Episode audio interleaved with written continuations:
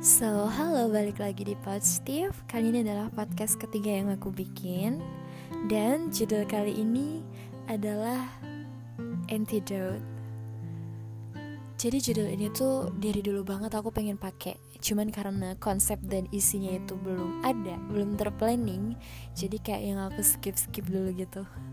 Dan terinspirasi dari beberapa hari yang lalu Aku sempat scroll-scroll galeri Instagram aku dari tahun 2019 sampai pada tahun ini 2020 yang paling dominan di sana itu adalah step by step karir aku.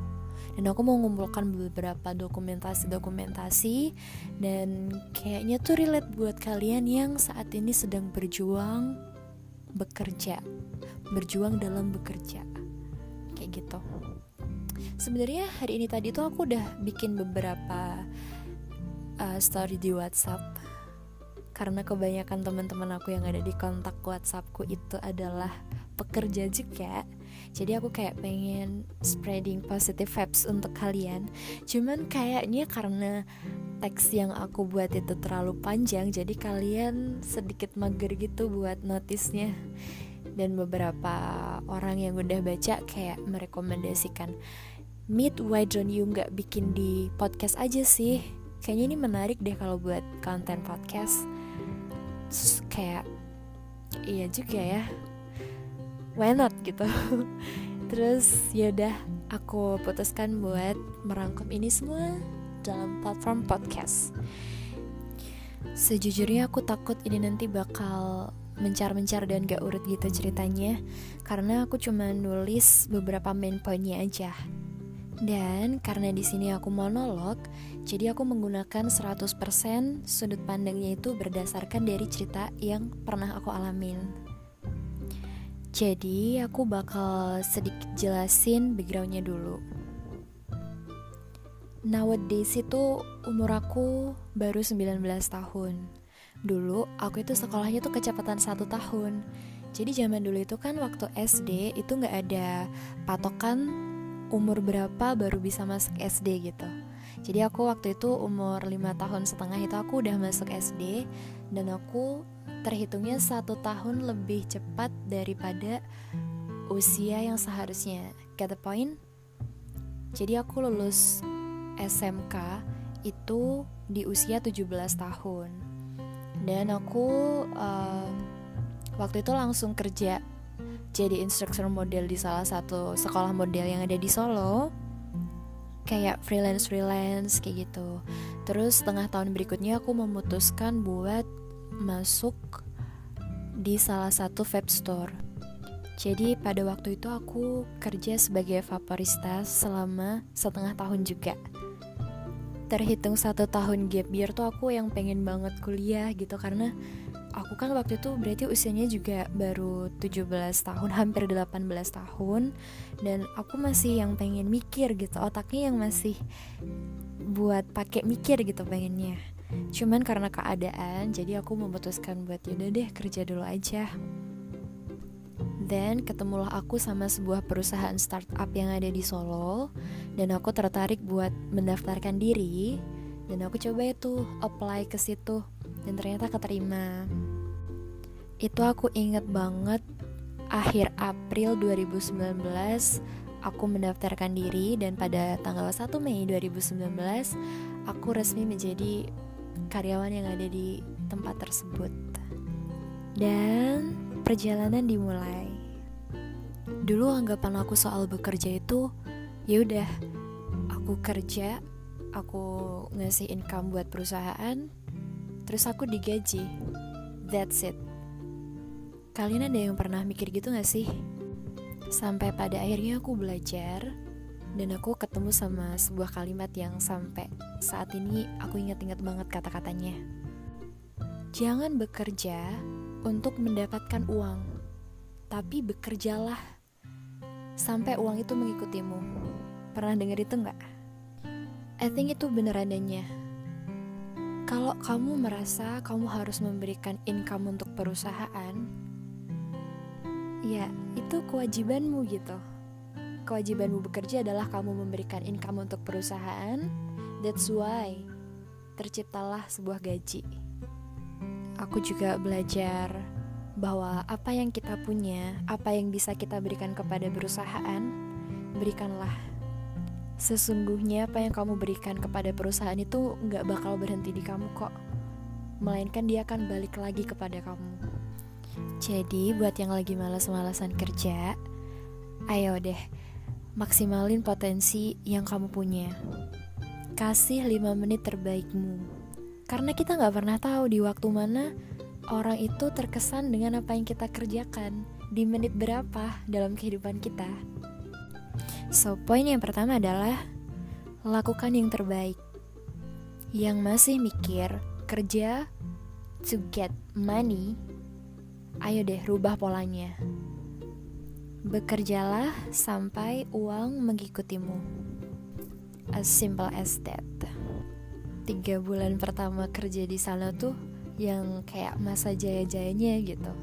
Aku bekerja di lingkungan yang aku butuhkan sebenarnya karena uh, aku yang paling kecil sendiri dan rata-rata yang udah kerja di sana itu kan yang di atasku semua. Jadi aku bisa belajar lebih banyak dengan age yang lebih matang gitu. Mungkin karena pada waktu itu aku tidak menggunakan poin pertama tadi yang memaksimalkan potensi yang ada. Jadi aku menemukan sebuah kegagalan pertamaku di tahun 2019. Yaitu turun jabatan. Aku harus kehilangan teman-temanku. Aku harus kehilangan posisi itu. Aku harus merelakan gajiku yang turun. Semualah, aku tertampar oleh keadaan pada saat itu. Affectionnya adalah aku menjadi orang yang ansos. Jadi aku menutup diri untuk berteman dengan siapa pun yang ada di situ.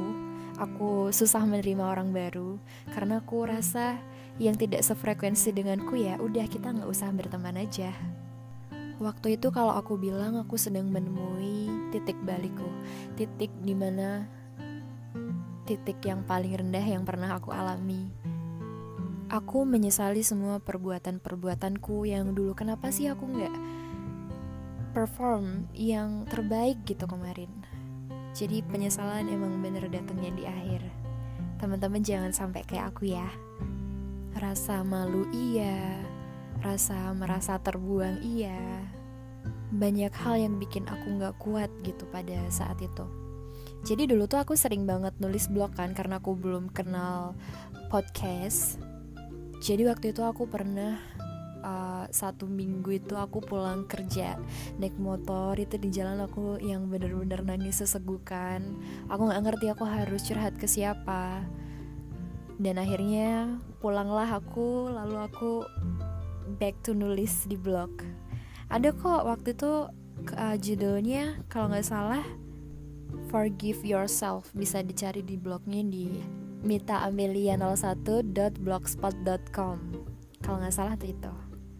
Jadi tulisan itu yang pernah jadi saksi aku di titik paling rendahku pada saat itu. Yang bisa aku lakukan sama diri sendiri waktu itu adalah iya udah mit emang kamu kemarin tuh salah. Ya udah perbaikin apa yang masih bisa kamu perbaikin fokus dengan apa yang kamu punya saat ini Nggak usah lari, jangan jadi pecundang, selesaiin apa yang udah kamu mulai. Nggak usah takut nggak punya temen. Kalau semisal kamu bener-bener orang baik dan orang baik pasti ketemunya sama orang baik. Pasti ada yang berteman sama kamu, pasti ada yang mau berteman sama kamu kok. Iya, walaupun jumlahnya nggak banyak, pasti dia orang yang benar-benar tulus. Dan ya, bisa dihitung jari. Mungkin lima orang saat itu yang nemenin aku di titik terendahku pada saat itu, yang menghargai adanya keberadaanku di situ. Dan aku nggak pernah melupakan mereka yang nemenin aku di titik itu. Jadi buat kalian aku kasih sedikit perspektif dari aku ya. Jadi orang baik itu nggak ada salahnya kok nolong orang itu gak ada salahnya. Jangan pandang dia siapa, dia punya jabatan apa, dia gimana. Kalau nolong ya nolong aja. Kalau menurut aku konsep tulus tuh dilihat dari itu dan itu tuh bener adanya. Sampai kapan deh aku gak bakal lupain teman-teman aku yang mau temenan sama aku di keadaan aku kayak gitu. So terima kasih Evelyn. Terima kasih Mbak Inung. Terima kasih Gading. Terima kasih Mas Ahimsa. Walaupun saat itu rasanya aku kayak kehilangan harapan yang benar-benar gelap yang aku sulit menerima keadaan waktu itu. Tapi sekarang aku bisa bangga banget sama diri aku sendiri. Aku bisa bilang wow Beat itu keren. Kamu luar biasa pernah ngelewatin itu. Kamu luar biasa pernah memilih buat gak menyerah di keadaan yang seperti itu. Dan kamu mendapatkan pengalaman yang benar-benar berharga. Pengalaman yang kamu pasti bakal takut kamu gak dapat pengalaman itu. Congratulations.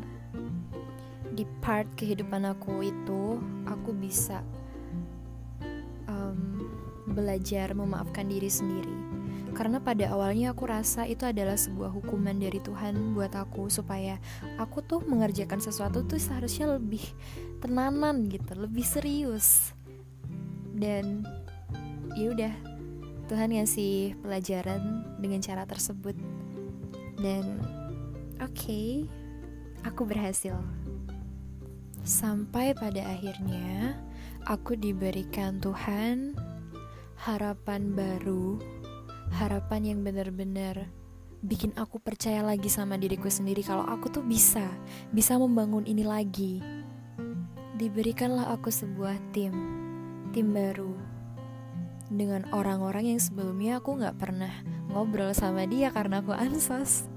Tapi ternyata setelah aku menerima mereka dan mereka saling menerima satu sama lain, terciptalah sebuah tim yang kita sebut dengan keluarga. Kita membentuk satu visi misi yang sama, menyamakan latar belakang dan kita berusaha supaya biar bisa satu frekuensi. Kita belajar bareng dan tim itu jadi tim yang sangat besar pada masanya. I'm so proud of them. Especially, of course I am. Waktu itu bisa dibilang fase yang mana aku gila-gilanya kerja karena aku mendedikasikan hidupku untuk benar-benar fokus buat bekerja. Karena kemarin aku merasa aku gagal, aku memperbaiki lagi kinerjaku di tim yang baru ini karena aku diberikan sebuah trusting Kuncinya di sini adalah trusting. Kamu bekerja, kamu harus percaya sama diri kamu sendiri. Kamu harus percaya sama apa yang kamu kerjakan. Kamu harus trusting kepada atasan kamu. Kamu harus trusting kepada teammatesmu. Kamu harus trusting dengan segala hal. Kamu harus trusting bahwa ini nanti akan berhasil. Kamu harus trusting bahwa ini nanti akan menjadi berkah buat kamu dan akan kembali kepada kamu. So I did. Kerja jam 9 pulang jam 6 sore. Lalu aku harus balik lagi ke kantor di jam 9 malam sampai jam 12 malam. Cuman buat ikut evaluasi, sharing, dan kita belajar. Kita evaluasi. Kita sharing apa yang pengen kita kerjain besok. Kita bener-bener mikir itu gitu. And it was awesome. Kayak gitu terus berulang-ulang sampai pada akhirnya aku jatuh sakit. Tapi aku jatuh sakit pada saat keadaan kami sudah target.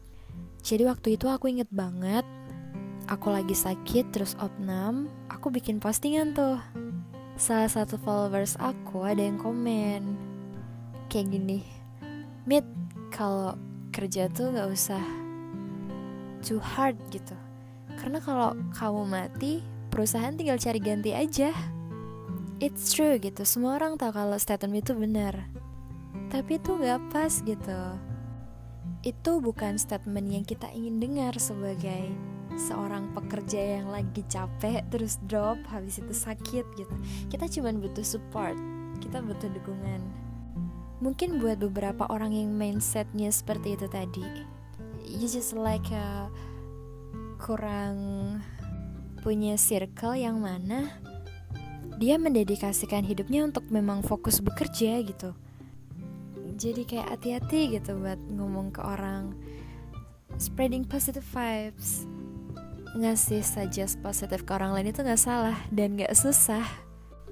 Ayo deh kalau misal kamu punya pacar atau punya temen punya keluarga punya orang terdekat yang kamu rasa dia butuh support kasih support yang pas kalau kamu gak bisa ngasih itu better kamu diam karena aku adalah salah satu orang yang percaya bahwa capek kerja itu ada aku percaya sama kamu yang pulang kerja kecapean because you do perfectly. Kamu melakukan yang cukup. Ingat kata-kataku yang ini. Kalau kamu pulang dalam keadaan bekerja, percaya deh sama aku. Lelahmu itu bakal jadi berkah buat kamu. Bakal terbayar manis nantinya. Bersyukurlah kamu yang masih punya pekerjaan, karena di saat kamu saat ini lagi susah payah, kamu lagi kecapean kerja, berarti kamu sedang berproses satu langkah lebih maju daripada yang tidak. Men, orang gak ada yang tahu kalau kamu tuh kerja keras buat apa, buat siapa. Aku tahu kamu cuma pengen di ngertiin. Kalau orang lain gak memberi itu, so I do. Tetap semangat and keep going. Goalsmu tuh banyak kalau harus dicapai dengan cara bekerja, jadi harus semangat dong kerjanya. Banyak hal yang kadang harus dibentuk oleh hari-hari yang berat. Katanya jangan mau dibentuk oleh hari-hari yang menyenangkan aja. Karena semisal ada hari-hari yang berat itu bisa jadi termasuk hal yang penting dalam membentuk kamu buat lebih siap mendapatkan kepercayaan, menjalankan rencana-rencana yang lebih besar di depan sana. Be proud of how hard you are trying, and I'm so proud of you. Cuman kadang istirahat itu juga perlu. Self reward kalau misal kamu terima gaji. So that's it. Aku rasa ini bukan sesuatu yang meter ya untuk dibahas di podcast karena sejujurnya juga aku tadi udah bikin kalimat yang serupa dengan yang aku bikin di podcast ini kalau kalian baca. Isi podcast ini juga cuman kayak penyemangat. That's why aku kasih judul dengan antidote. Antidote itu artinya kayak sebuah medicine buat kamu. Now, um, aku sebut dia sebuah boost atau support system buat kamu yang sedang berjuang dalam karirnya. Kayak aku dedikasikan ini buat kamu yang lagi capek kerja. Aku cuman pengen kamu tahu bahwa kamu tuh keren. So improve yourself. Bertahan. Ayo belajar survive. And do the best dan yang paling penting, lakuin itu semua buat dirimu sendiri. Satu poin lagi, jangan sampai sakit. Kenali emosi diri sendiri. Kalau semisal capek, istirahat, jangan terlalu dipaksain. Dan kalau semisal kamu butuh validasi dari orang lain bahwa ya mereka proud of you, then kalau kamu nggak mendapatkan itu, just say proud of you to yourself. Kadang kalau nggak diri sendiri, mau siapa lagi?